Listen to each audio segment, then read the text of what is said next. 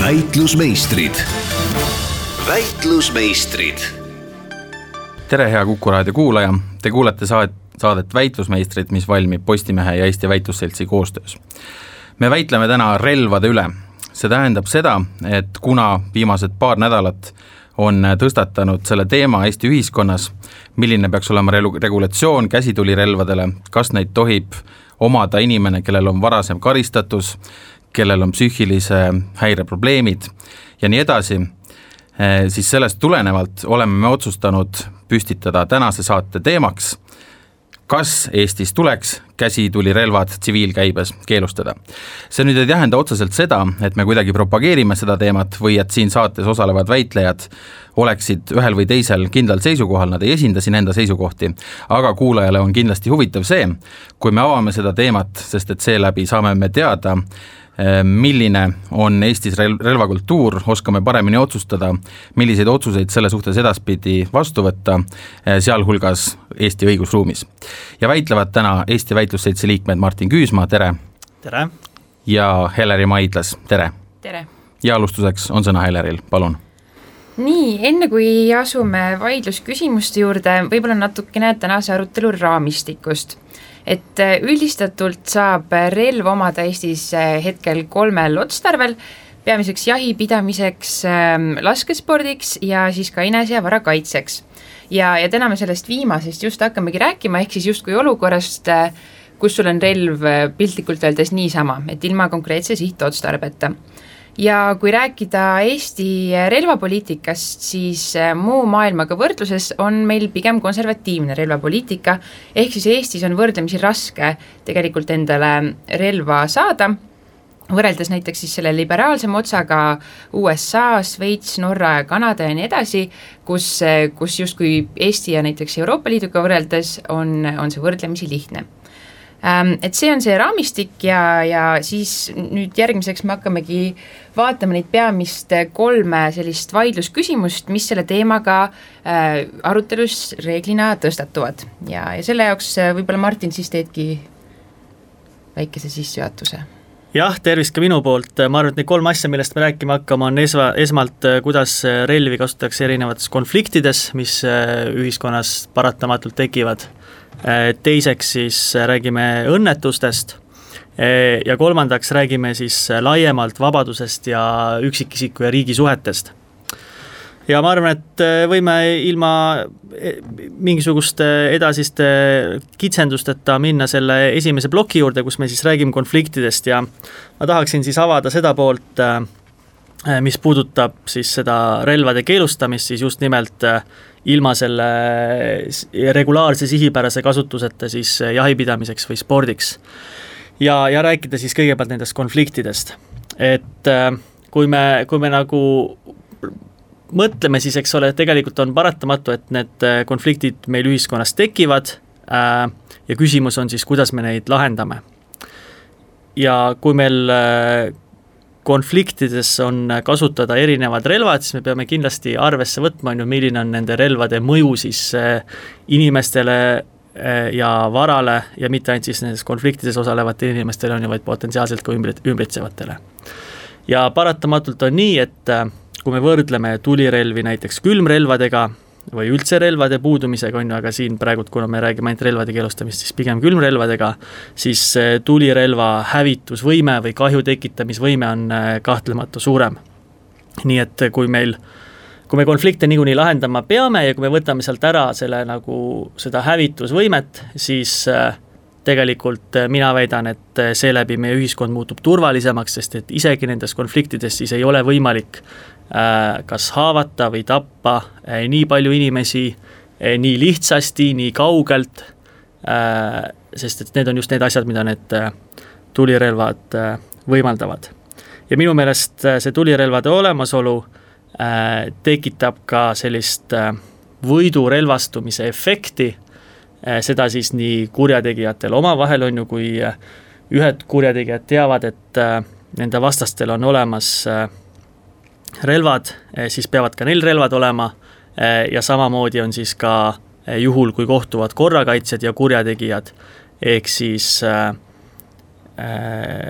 politsei peab ka relvade suurema leviku korral ühiskonnas on ju olema paremini relvastatud selleks, et konfliktides saada, saada hakkama nende probleemidega, mis tõusetuvad. jah, et see on siis selline justkui üldise ühiskondliku turvalisuse äh, argument või point, aga siin ma ütleks siis eituse poole pealt just äh, nagu vastu äh,, mis, mis seda nagu justkui ümber lükkab, oleks see, et et tegelikult me saame just turvalisema ühiskonna ja, ja nii-öelda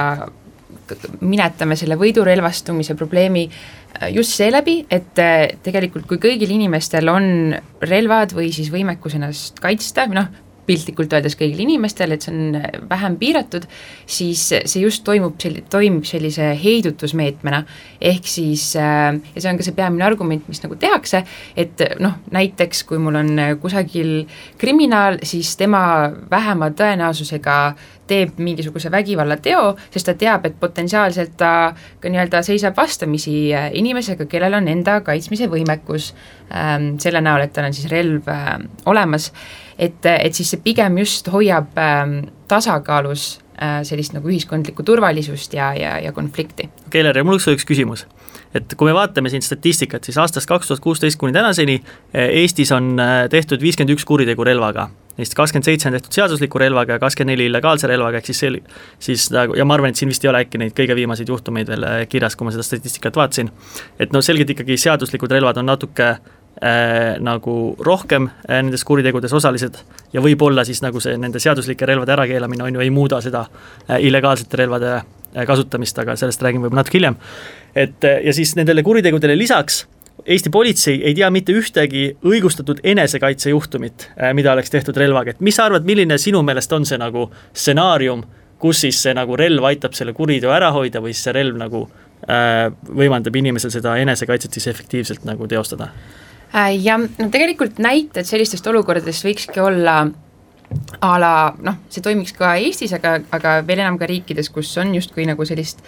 palju piirkondi, mis on raskesti näiteks ligipääsetavad ja just olukordades, kus tegelikult sa ei saa riigi äh, nii-öelda jõustruktuurile või kaitsestruktuurile loota ja sellises olukorras sa peadki justkui siis kasutama nii-öelda oma abinõud ja, ja selleks on siis pahatihti relv ähm,. ma ei tea, et kui sa oled maapiirkonnas, sa oled täiesti kuskil metsa sees, politseil kuluks sinu juurde jõudmiseks vähemalt pool tundi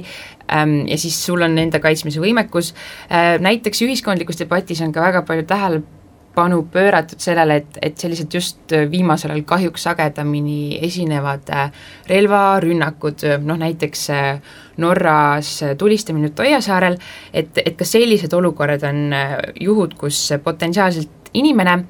nagu tavainimene, kellel on relv ja, ja just relva kasutamise oskus, et oleks saanud seda veretööd noh, ilmselgelt mitte ära hoida, aga vähemalt selle drastilisi efekte vähendada. näiteks, äh, ja see on, ma ütleks, et see on ka selline nagu klassikaline näide, mida tegelikult tuuakse, ka Martin Pahovski näiteks oma kolmekümnenda juuli äh, kahe tuhande üheteistkümnenda aasta intervjuus Delfile on, on seda välja toonud ja, ja, ja just selle nagu näitena, et et mõnikord, kui polits-, politsei puhul justkui kuri, kurjategija alati oskab oodata nagu jõudu ja, ja selle tõttu on ka rohkem võib-olla valmistunud, versus kui mul on nagu tavainimene, kellel on see relva kasutamise võimekus, siis, siis seda nagu efektiivsemalt see toimib võib-olla sellise nagu relva, relvastatud äh, kuriteo vastu okei okay,, aga minu, minu meelest me peamegi siin kaaluma nagu, nagu kahte, kahte viisi, kuidas me jõuame nagu paremini turvalisuseni. üks, üks variant on siis see sinu kirjeldatud stsenaarium, kus äh, inimesed äh, osalevad vähem konfliktides, tekitavad vähem konflikte sellepärast, et nad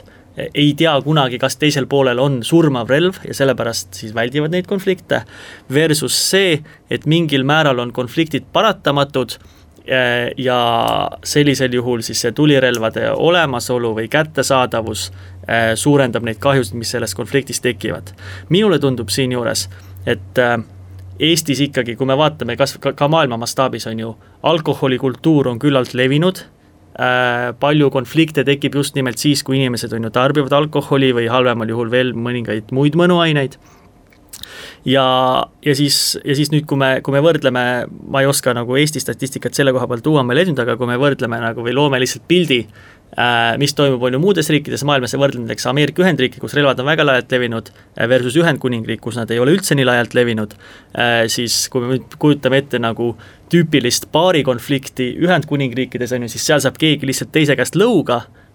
versus Ameerika Ühendriikides on ju, kellelegi äh, kihutatakse kuulmaksa. Ja nagu paratamatult see nagu kuulimaksa kihutamine on ju oluliselt äh, halvem asi ühiskonna jaoks, kas või sellepärast, et meil kaasnevad sellega suuremad meditsiinikulud, rohkem surmasid, me jääme ilma, on ju, oma väärtuslikest ühiskonnaliikmetest ja see on asi, mida tegelikult ei peaks juhtuma ja me saaksime seda vältida, kui meil oleks vähi, vähem relvi Äh, siis äh, niimoodi ühiskonnas ringlemas. Mhm. võib-olla selle mõtte ja punkti lõpetuseks, äh, et see nagu et tõsi, see on see kaalukauss ja ma olen sellega täiesti nõus, samas huvitaval kombel siis justkui peaks nagu mõtlema, et et riigid, kus on hästi äh, liberaalsed äh, relvaseadused, et need siis lokkavad relvakuritegude ja sellise ebaturvalisuse käes ja teiselt poolt siis riigid, kus on ähm, hästi vähe tsiviilkäibes relvi, et need on siis äh, kontrastselt hästi palju turvalisemad. aga, aga minu meelest siin selles osas statistika on ka natuke huvitav, et noh, et Šveits näiteks või, või Norra Ähm, et on tegelikult riike ja näiteid sellest, kus relvad, relvapoliitika on võrdlemisi liberaalne ja, ja neis ei ole näiteks nii palju relvakuritegevusi kui USA-s. ehk siis minu meelest see tõstatab justkui sellise uue nagu küsimuse või filosoofilise mõttetera siit edasi, et et, et see võib nagu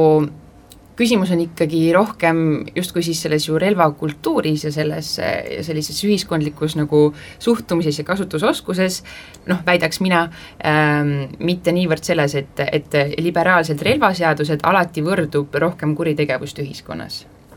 Ma olen sinuga tegelikult äh, nõus ja ma arvan, et eks Šveitsis ongi väga omapärane kultuuriline taust, kus äh, inimesed jälgivad oma siis ümberkaudseid või lähikondlasi või naabreid, on ju, väga tugevalt ja seal on suur selline sotsiaalne surve mitte käituda reeglitele mittevastavalt äh,. Aga samas ma arvan, et Eestis sellist kultuuri ei ole, Eestis on ikkagi iga inimene enda meelest see kõige õigem mees ja ma arvan, sellepärast on relvad siin ka ohtlikumad. aitäh väitlusmeistritele, me läheme siit lühikesele pausile. väitlusmeistrid, väitlusmeistrid Te kuulate saadet Väitlusmeistrit, mis valmib Postimehe ja Eesti Väitlusseltsi koostööd. Me väitleme täna teemal, kas Eestis tuleks käsitulirelvad tsiviilkäibes keelustada. Ja stuudios on Eesti Väitlusseltsi liikmed Martin Küüsmaa ja Helleri Maidlas. Martin, sul on sõna. Aitäh, lähme siit edasi meie teise sellise suurema ploki juurde ja kui esimeses plokis me rääkisime konfliktidest, ehk siis sellistest olukordadest, kus on kaks osapoolt ja kuidas need relvad neid olukordi mõjutavad, siis nüüd tahaks natuke rääkida õnnetustest. ehk siis äh, sellistest asjadest, kus on mängus, on siis nagu ainult see üks osapool ja, ja mida ma siin äh, silmas pean, äh, on see, et äh, paratamatult jällegi, kui me mõtleme nagu sellisel makrotasandil ühiskonna peale, siis tõenäosus, et, et halvad olukorrad tulevad ette või et keegi tahab midagi teha, kus relvadel võiks olla oma roll, see tõenäosus on alati olemas paratamatult. on ju, lapsed on mänguhimulised, tahavad avastada uusi asju, katsuda, proovida võivad e-, ette tulla siis äh, inimestel äh, või ütleme, võivad pähe tulla inimestel sellised plaanid, mis nagu ei lähe hästi ühiskonna üldise toimimise mõtetega kokku, nagu äh, siin eriti mõnedes riikides on populaarne tuua relv kooli ja siis hakata seal tulistama. või siis ka mõned inimesed on ju pettuvad elus ja tahavad siit, siit maailmast lahkuda. et ma arvan, et see, need tõenäosused on alati olemas ja siis sellele kõrvale me peaksime siis vaatama seda tõenäosust, et kas sellel hetkel, kui nüüd mõni inimene tahab siis midagi teha, kus sellel relval võiks olla potentsiaalselt roll, kas sel hetkel see relv on kättesaadaval. Ja minu arvates, kui me need, on ju need kaks tõenäosust korrutame, siis me saame nende kordade arvu, kui palju siis relvadega õnnetusi juhtub ja ja selleks, et relvadega õnnetus juhtuks vähem, me peaksime neid tõenäosuseid vähendama, seda esimest tõenäosust eh, nagu inimeste soov midagi teha, seda vähendada on väga keeruline ja see ei käi ilmselt läbi, läbi nagu relvapoliitika äh,. aga seda tõenäosust, et kas relv on sel hetkel kättesaadaval eh,, seda on võimalik vähendada küll eh, ja sellepärast ma arvangi, et kui meil oleks tsiviilkäibes eh, käsitulirelvi vähem, eh, siis meil tuleks ette vähem enestappe, mida viiakse siis ellu relva läbi Äh, vähem õnnetusi, kus lapsed mängivad relvaga, vähem võimalusi koolitulistamisteks ja nii edasi. Jah, Martin, muidugi need näited, mis sa praegu tõid, on kõik väga drastilised ja kohutavad. Ähm,, samal ajal ma ei ütleks tingimata, et asi on äh, siis tulirelvas kui sellises ja, ja selle kättesaadavuses ühiskonnas, vaid see tegelikult need näited ju, mis sa tõid, on ikkagi olukordadest, need küsimus on nagu tulirelva regulatsioonis kui sellises, relvaloa andmises, relva kasutamisoskuses, relva valdamise oskuses Ähm, ja, ja kogu see taustakontroll, et noh, näiteks sa tõid äh, võib-olla inimesi, kellel äh, ma ei tea, üks hetk justkui saab kõigest liiga palju, olgu siis kas en-, enesevigastuse suhtes või teise vigastamise suhtes, või, või jah, et midagi nagu kuskile jääb see relv laokile, siis selle jaoks tegelikult äh, ongi meil ju igasugused erinevad, ma ei tea, regulatsioonid, testid, nõuded, mida me peame jälgima, et ma taaskord tooks võib-olla Šveitsi näite siia, kus äh, kus, mis ilmestabki seda, et, et seal see lihtsalt see relva kasutamise ja omamise kultuur on niivõrd teine, et sa, sa astudki kusagile kluppi kohe alguses väikse lapsena, ma ei tea, lasketiiru või kuhu iganes, et siis sa äh, nagu õpidki sellega vastutustundlikult üle, üle nagu ümber käima, et, et noh, et neid näiteid muidugi on, aga pigem, mis ma tahan öelda, on see, et, et ei ole ka nii, et kui meil on tulirelvad, tulirelvade kasutamine võrdlemisi liberaalne või nagu nende omamine, et siis kõik jätavad need igale poole lukuta lahti, kõik lapsed hakkavad neid ise nendega mängima ja, ja nii edasi. Et ma, äh, ma, ma olen sinuga põhimõtteliselt nõus ja ma olen isegi nõus sellega, et et Eestis on isegi ütleme, nendel inimestel, kellel need relvad on ka selline vastutustunne olemas ja nad ei jäta neid, neid äh, laokile ja nii edasi. Äh, aga ma, ma arvan, et me ei saa nagu siit sellest valemist välja eeldada seda, et aeg-ajalt ikkagi õnnetusi juhtub. aeg-ajalt keegi kuskil unustab midagi, aeg-ajalt mõni äh, lapsevanem teeb äh, oma lapsele teatavaks, kus see relvakapi võti on või midagi muud sellist, on ju. Need, need asjad on paratamatud, need ikkagi juhtuvad. ja, ja minu meelest siin probleem on just nimelt nendes tulirelvades endis, sellepärast et tulirelv on nagu kõige lihtsam variant kuidas enda või kellegi teise elu lõpetada või tugevaid vigastusi ju tekitada. kaheksakümmend protsenti relvaga tehtud enesetapukatsetest õnnestuvad.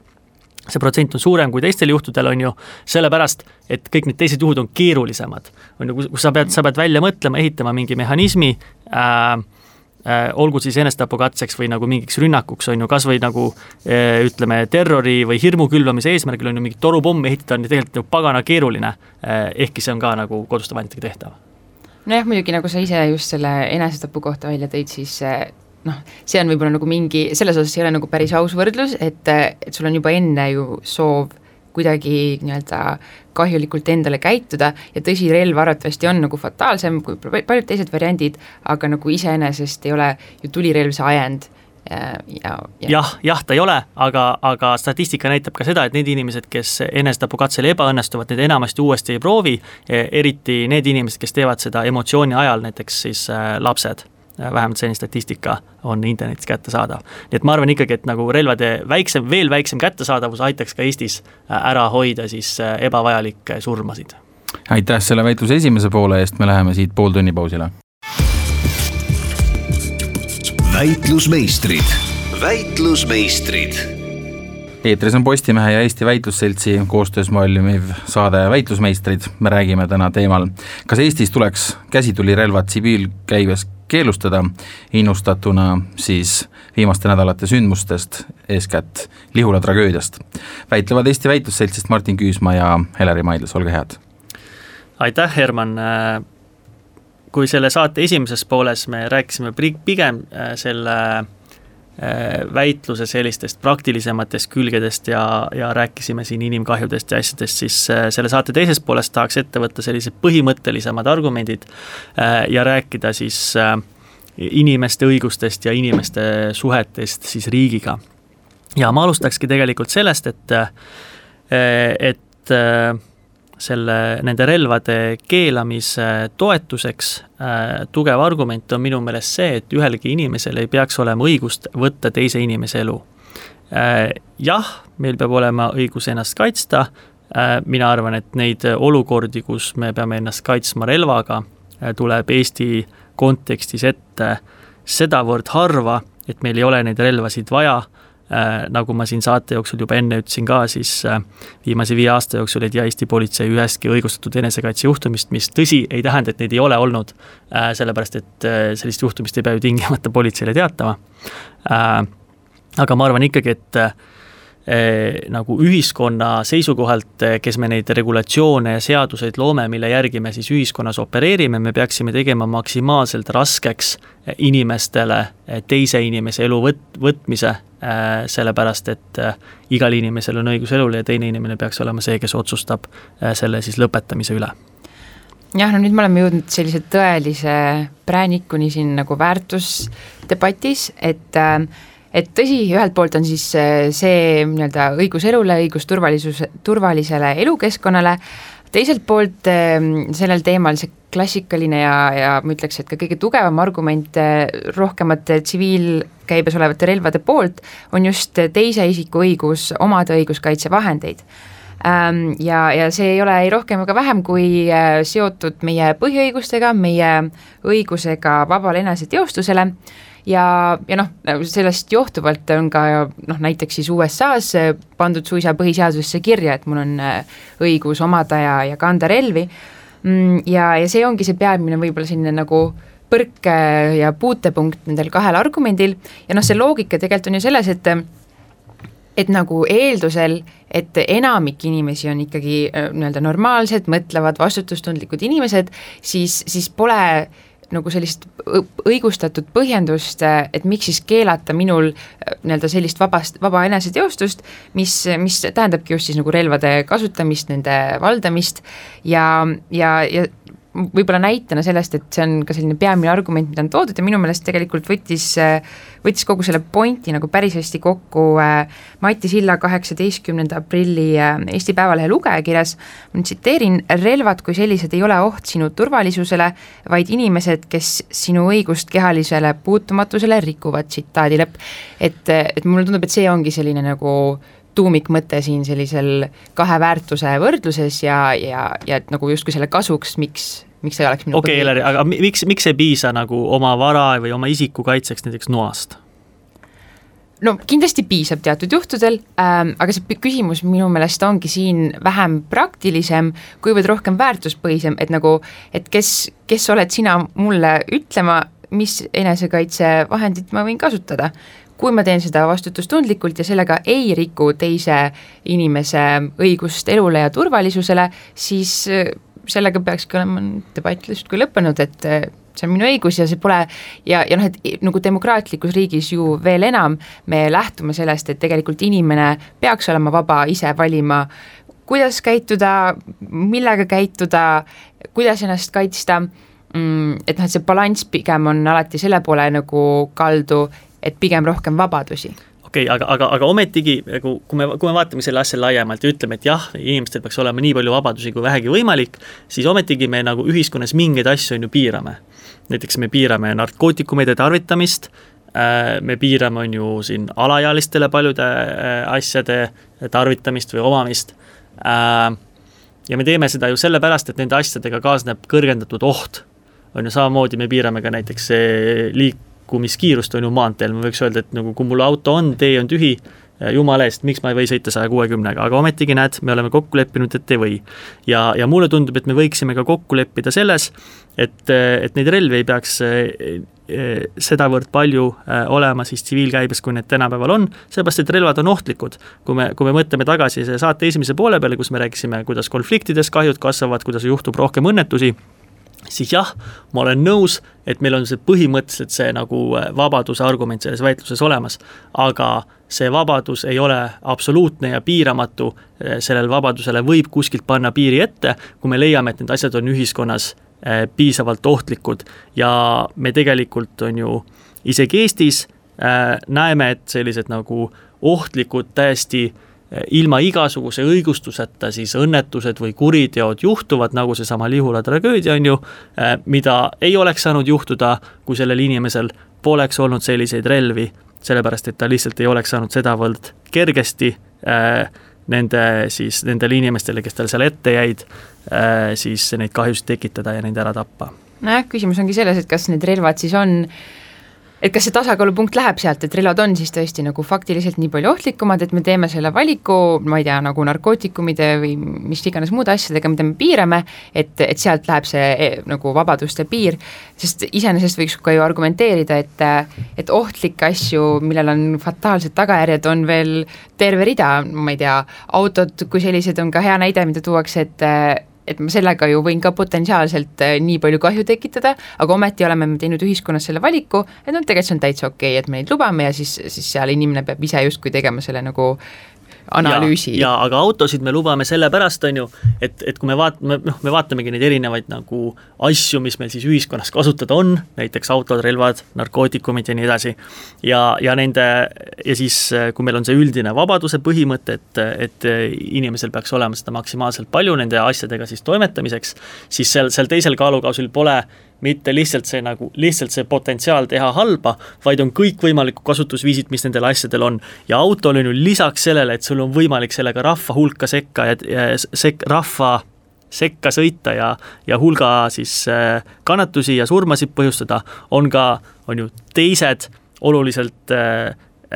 laiemad kasutusvõimalused, näiteks inimesi kiiresti ühest, ühest kohast teise transportida või asju transportida äh,, mis, mille, mille puhul me leiame, et nende äh, väärtus ühiskonnale on, on ju piisavalt suur äh, selleks, et vaatamata sellele, et ka auto või mis iganes muu asi põhimõtteliselt on ju võib-olla relv, siis me ikkagi äh, lubame nende kasutamist ja üldiselt nagu seal, seal, sellel juhul tagame inimestele selle vabaduse. samas, kui me võtame käsitulirelvad, siis nendel neid teiseseid kasutusi, mis oleks äh, hullult nagu ühiskonnale äh, kasulikud, on tegelikult üsna vähe, võib-olla üldse ja sellepärast seal see tasakaal minu meelest langeb hoopis rohkem keelamise poole kui autode puhul äh,. Nojah äh,, lõpuks ma arvan et see ongi nagu nende, nagu me just lõpetasime selle mõtte ja minu meelest see esimene plokk selles oli nagu oluline praeguse väärtuspõhise argumendi juurde jõudmiseks, et, et me peamegi siis nagu tegema selle otsustuse, et mis on siis ohtlik, piisavalt ohtlik nii-öelda, et, et panna sellele vabale eneseteostusele piirang. Ähm,, noh, mu isiklik seisukoht see tingimata ei ole, aga, aga tegelikult relvade kasutamise äh, poolt äh, ikkagi see vaba eneseteostus on, on neid peamisi argumente ja ma tegelikult pean tunnistama, et ma näen seda punkti just küll, et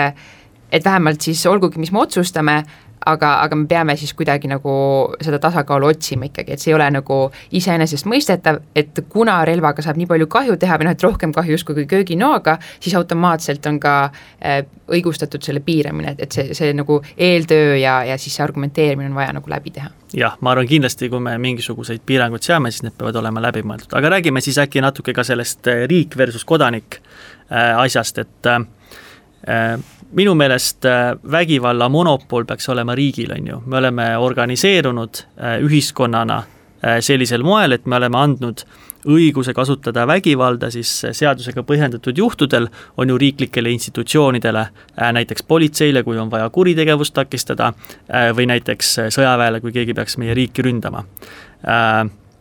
ja ma arvan, et tegelikult see on väga hea, et meil ei peaks olema sellist varianti, kus äh, iga mees tuleb oma, äh, oma relvaga ja hakkab kuskil kõvatama, on ju, vaid meil on selle jaoks spetsiaalsed institutsioonid, äh, mis siis valvavad korda ja tagavad selle, et kõikidel ühiskonnaliikmetel oleks siin ühiskonnas turvaline elada. jah, selle riigi vägivalla monopoliga on muidugi huvitav asi, et et see toimib ju ainult siis nagu eeldusel, et riigil on alati õigus ja riik alati käitub kõige paremini ja kõige õiglasemalt. võiks öelda, et see alati kahjuks ei ole nii, et äh, minu arust nagu põnevad näited sellest on kas või see, et, et just näiteks autoritaarsed riigid äh,, ma ei tea, omal ajal ja tänapäeval on tegelikult olnud need ala, ma ei tea, mingi Natsi-Saksamaa ja, ja, ja kommunistlik Hiina, kes kõige rohkem just äh, tulirelvade kasutamist piiravad ja just äh, noh, obviously noh, vabandust, ilmselgelt sellise sellise motiiviga, et, et siis rahval ei tekiks võimalust justkui nagu organiseeruda riigi vastu ähm,. ja, ja siin on veel teine punkt ka, et et me, et riigi, et olukorras noh, mis nagu demokraatlikus normaalses riigis on võrdlemisi väikese tõenäosusega juhtub, et riik läheb rahva vastu sõtta, samal ajal ähm, et justkui minu meelest ikkagi peaks olema see tasakaal nende kahe, kahe struktuuri vahel natukenegi võrdsem, et noh, ma saan aru, et et lõpuks, kui läheb piltlikult öeldaks sõjaks, siis riigil on, ma ei tea, droonid, tuumarelvad ja minul on siis see minu tulirelvake kuskil kapis, aga, aga iseenesest see vähemalt äh, justkui paneb nii-öelda riiki kaks korda mõtlema, enne kui ta siis justkui rahva vastu läheks. minu meelest ikkagi, ma saan aru küll, see on selline väga Ameerika vaba mehe mõtlemine, eks ole, et et riik, et mul peab alati olema võimalus hakata riigile vastu, sellepärast et me kunagi ei tea, kas riik nagu tegelikult teeb nii, nagu, nagu meie siis kodanikena tahame. aga ma arvan, et see on selline kaheksateistkümnenda sajandi mõtlemine, et jah, et siis, kui nagu kõige kõvem relv oligi püss, et siis nagu oli tore, kui mõlemal poolel need püssid olid, aga kahekümne esimeseks sajandiks me oleme mõelnud välja inimkonnana palju rohkem relvasid ja need ei pea olema tingimata, on ju, tuumarelvad, mida nagu ilmselt eh, oma riigi vastu ükski rel-, eh, oma rahva vastu ükski riik kasutada ei taha, eh, küll aga on meil olemas, on ju, tankid, meil on olemas lennukid, meil on olemas miinipildujad, on ju, relvad, millega saab nagu ühe korraga teha oluliselt rohkem kahju kui käsitulirelvadega. Ja kui nende relvade vastu minnagi käsitulirelvaga, siis sorry, aga sellest käsitulirelvast ei ole midagi kasu. Äh, et äh, kui äh, nagu keegi on võtnud nõuks äh, mingit rahva hulka tankidega rünnata, siis sellel rahva hulgal võivad need nagu püstolid, minu poolest kas või automaadid, kuulipildujad olla, on ju, aga see tanki vastu need eriti midagi ei tee, ehk siis kui see riik tahab oma rahvale teha asju, mida meie nagu demokraatlikus maailmas näeme, et riik tegema ei peaks, siis need käsitulirelvad minu meelest seda olulisel määral ei vähenda mm. -hmm. no okei okay,, võtame siis äh, nii-öelda vähem drastilise näite ja minu meelest siin on hea tuua sisse ka praegu USA-s toimub näiteks äh, politsei vägivald, mis, mis tegelikult on rohkem, ma arvan, selle teemaga seotud, kui esialgu pakuks, sest minu meelest see on äh, järjekordne ilming sellest, kuidas riigi jõustruktuur kasutab jõudu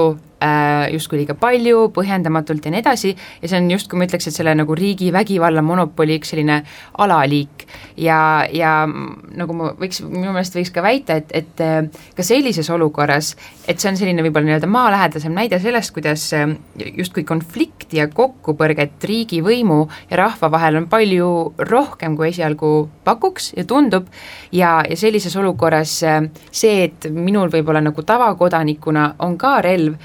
pigem võib-olla just noh, nagu me oleme eelnevalt siin rääkinud ka, et et see esiteks tooks seda tasakaalu nagu rohkem paika äh, ja, ja toimuks ka heidutusena siis näiteks sellele politseile, kes ma ei tea, mu koduhoovi tuleb ja, ja hakkab tulistama või tahaks midagi teha,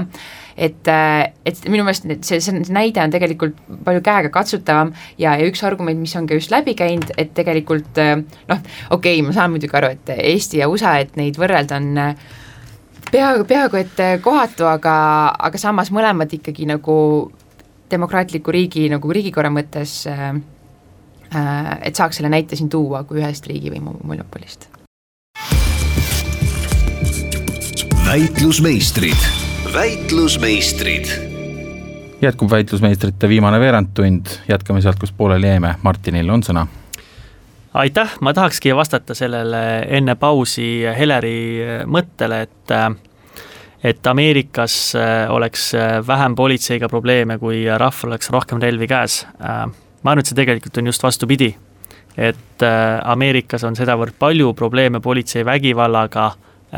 kuna politsei peab olema alati valmis selleks, et potentsiaalsel kurjategijal on ka relv ja on siis üsna nagu suure tulejõuga relv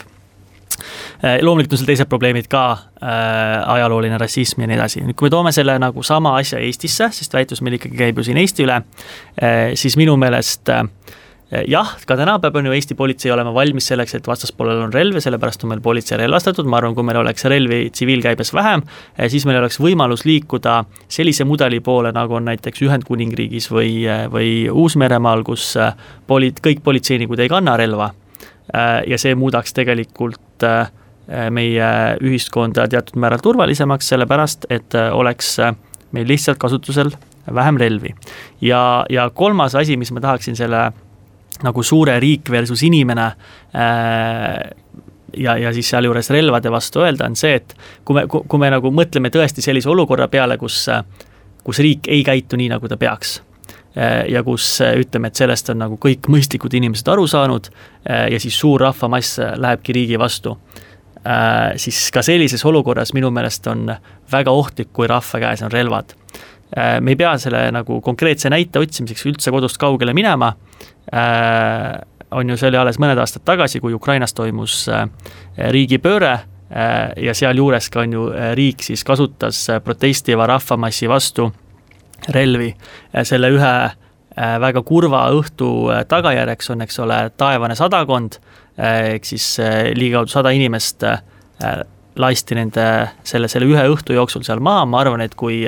kui nendel inimestel oleksid olnud relvad ja nad oleksid kasutanud neid siis riigivõimu vastu, siis me ei räägiks täna taevasest sadakonnast, vaid me räägiks, räägiksime vähemalt taevasest tuhatkonnast, kui mitte veel suuremast hulgast hukkunutest, ehk siis ka sellises mõttes tegelikult enesekaitseks äh, relvade kasutamine, juhul kui vastaspoolel on, on ju suurem tulejõud läbi selle, et neil on kasutada kõik äh, siis riigikaitses kasutada olevad relvad, äh, tegelikult tooks kaasa ainult suuremaid kahjusid. nojah, muidugi võiks vastu väita, et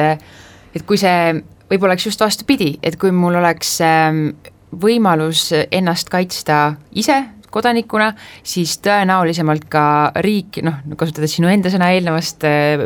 nii-öelda saatelõigust, et äh, võidurelvastuks ka rahva vastu vähem ja, ja tegelikult siis just olekski, nagu ma enne ütlesin, selline jõutasakaal riigivõimu struktuuri ja kodanike vahel tegelikult võrdsem.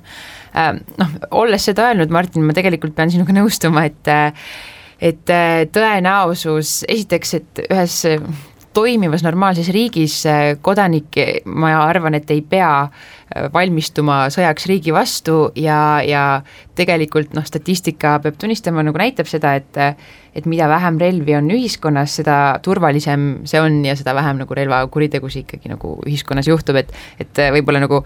äh, ütlekski lisaks siia meie eelmisele äh, saateplokile, et kui Šveits iseenesest ongi päriselt hea näide sellest, kuidas äh, relvaseadused võivad olla libera-, liberaalsed ja samas ka toimivad, siis Šveitsis äh, võrreldes paljude teiste Euroopa riikidega tegelikult ikkagi on väga kõrge relvakuritegude arv ja ja näiteks pärast seda, kui kahe tuhande viieteistkümnendal aastal äh, karmistati seaduseid veelgi, siis nende kuritegude arv vähenes, et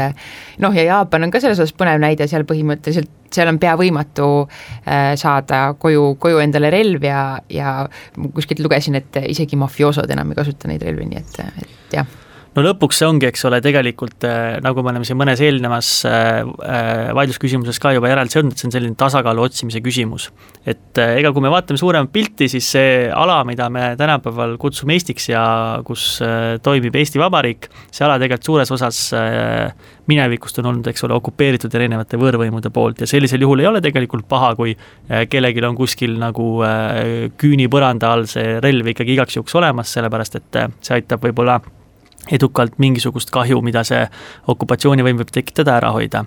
teisest küljest, on ju, me peame arvesse võtma ka seda, mis me rääkisime siin saate esimeses osas, et paratamatult relvade laiem levik äh, tekitab äh, rohkem äh, kahjusid äh, inimestele, varale mis siis kokkuvõttes on ju transleeruvad kuludeks äh, läbi surmade, läbi meditsiini, läbi varahävingu. et äh, ma arvan, kogu maailma statistika nüüd toetab seda, et tegelikult kui relvi on äh, laiemalt kasutuses, siis äh, paratamatult neid ka surmasid relvade kasutamise läbi on rohkem äh,, rohkem on neid õnnetusi, aga teisest küljest ma võin nõus olla jah, et nagu teatud määral äh, need relvad äh, laiemalt inimeste käes Äh, on äh, mingil moel demokraatia tagatis, sellepärast kas või isegi, sest et isegi kui sellel teisel poolel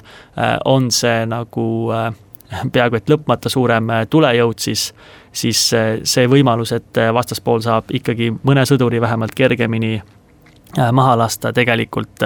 jääb alles ja paneb siis kaks korda mõtlema nii seda inimest, kes neid sõdureid oma rahva vastu saadab, kui ka seda sõdurit, kes siis rahva vastu minema peab. ja, ja seeläbi siis ehk on äh, Äh, natukene vähem neid olukordi, kus riik läheb oma rahva vastu. ma arvan, et kokkuvõttes on ju äh, iga inimene peab selles küsimuses siis välja mõtlema, et mis on tema jaoks olulisem, et kas see, et me hoiame ära äh, täna neid äh, kahjusid ja surmasid ja õnnetusi või see, et meil on natukene suurem garantii demokraatia Äh, ja rahvavõimu äh, püsimise osas siis äh, riigi nagu selle võimu ärakasutamise vastu. ja ma arvan, et kes nagu selle enda jaoks välja mõtleb, siis see teab ka, mis on tema vastus, kui kunagi selline, seda küsimust tema käest küsima peaks. aitäh, Martin Küüsmaa ja Heleri Maidlas Eesti Väitlusseltsist, te kuulasite väitlust, kas Eestis tuleks käsitulirelvad tsiviilkäibes keelustada.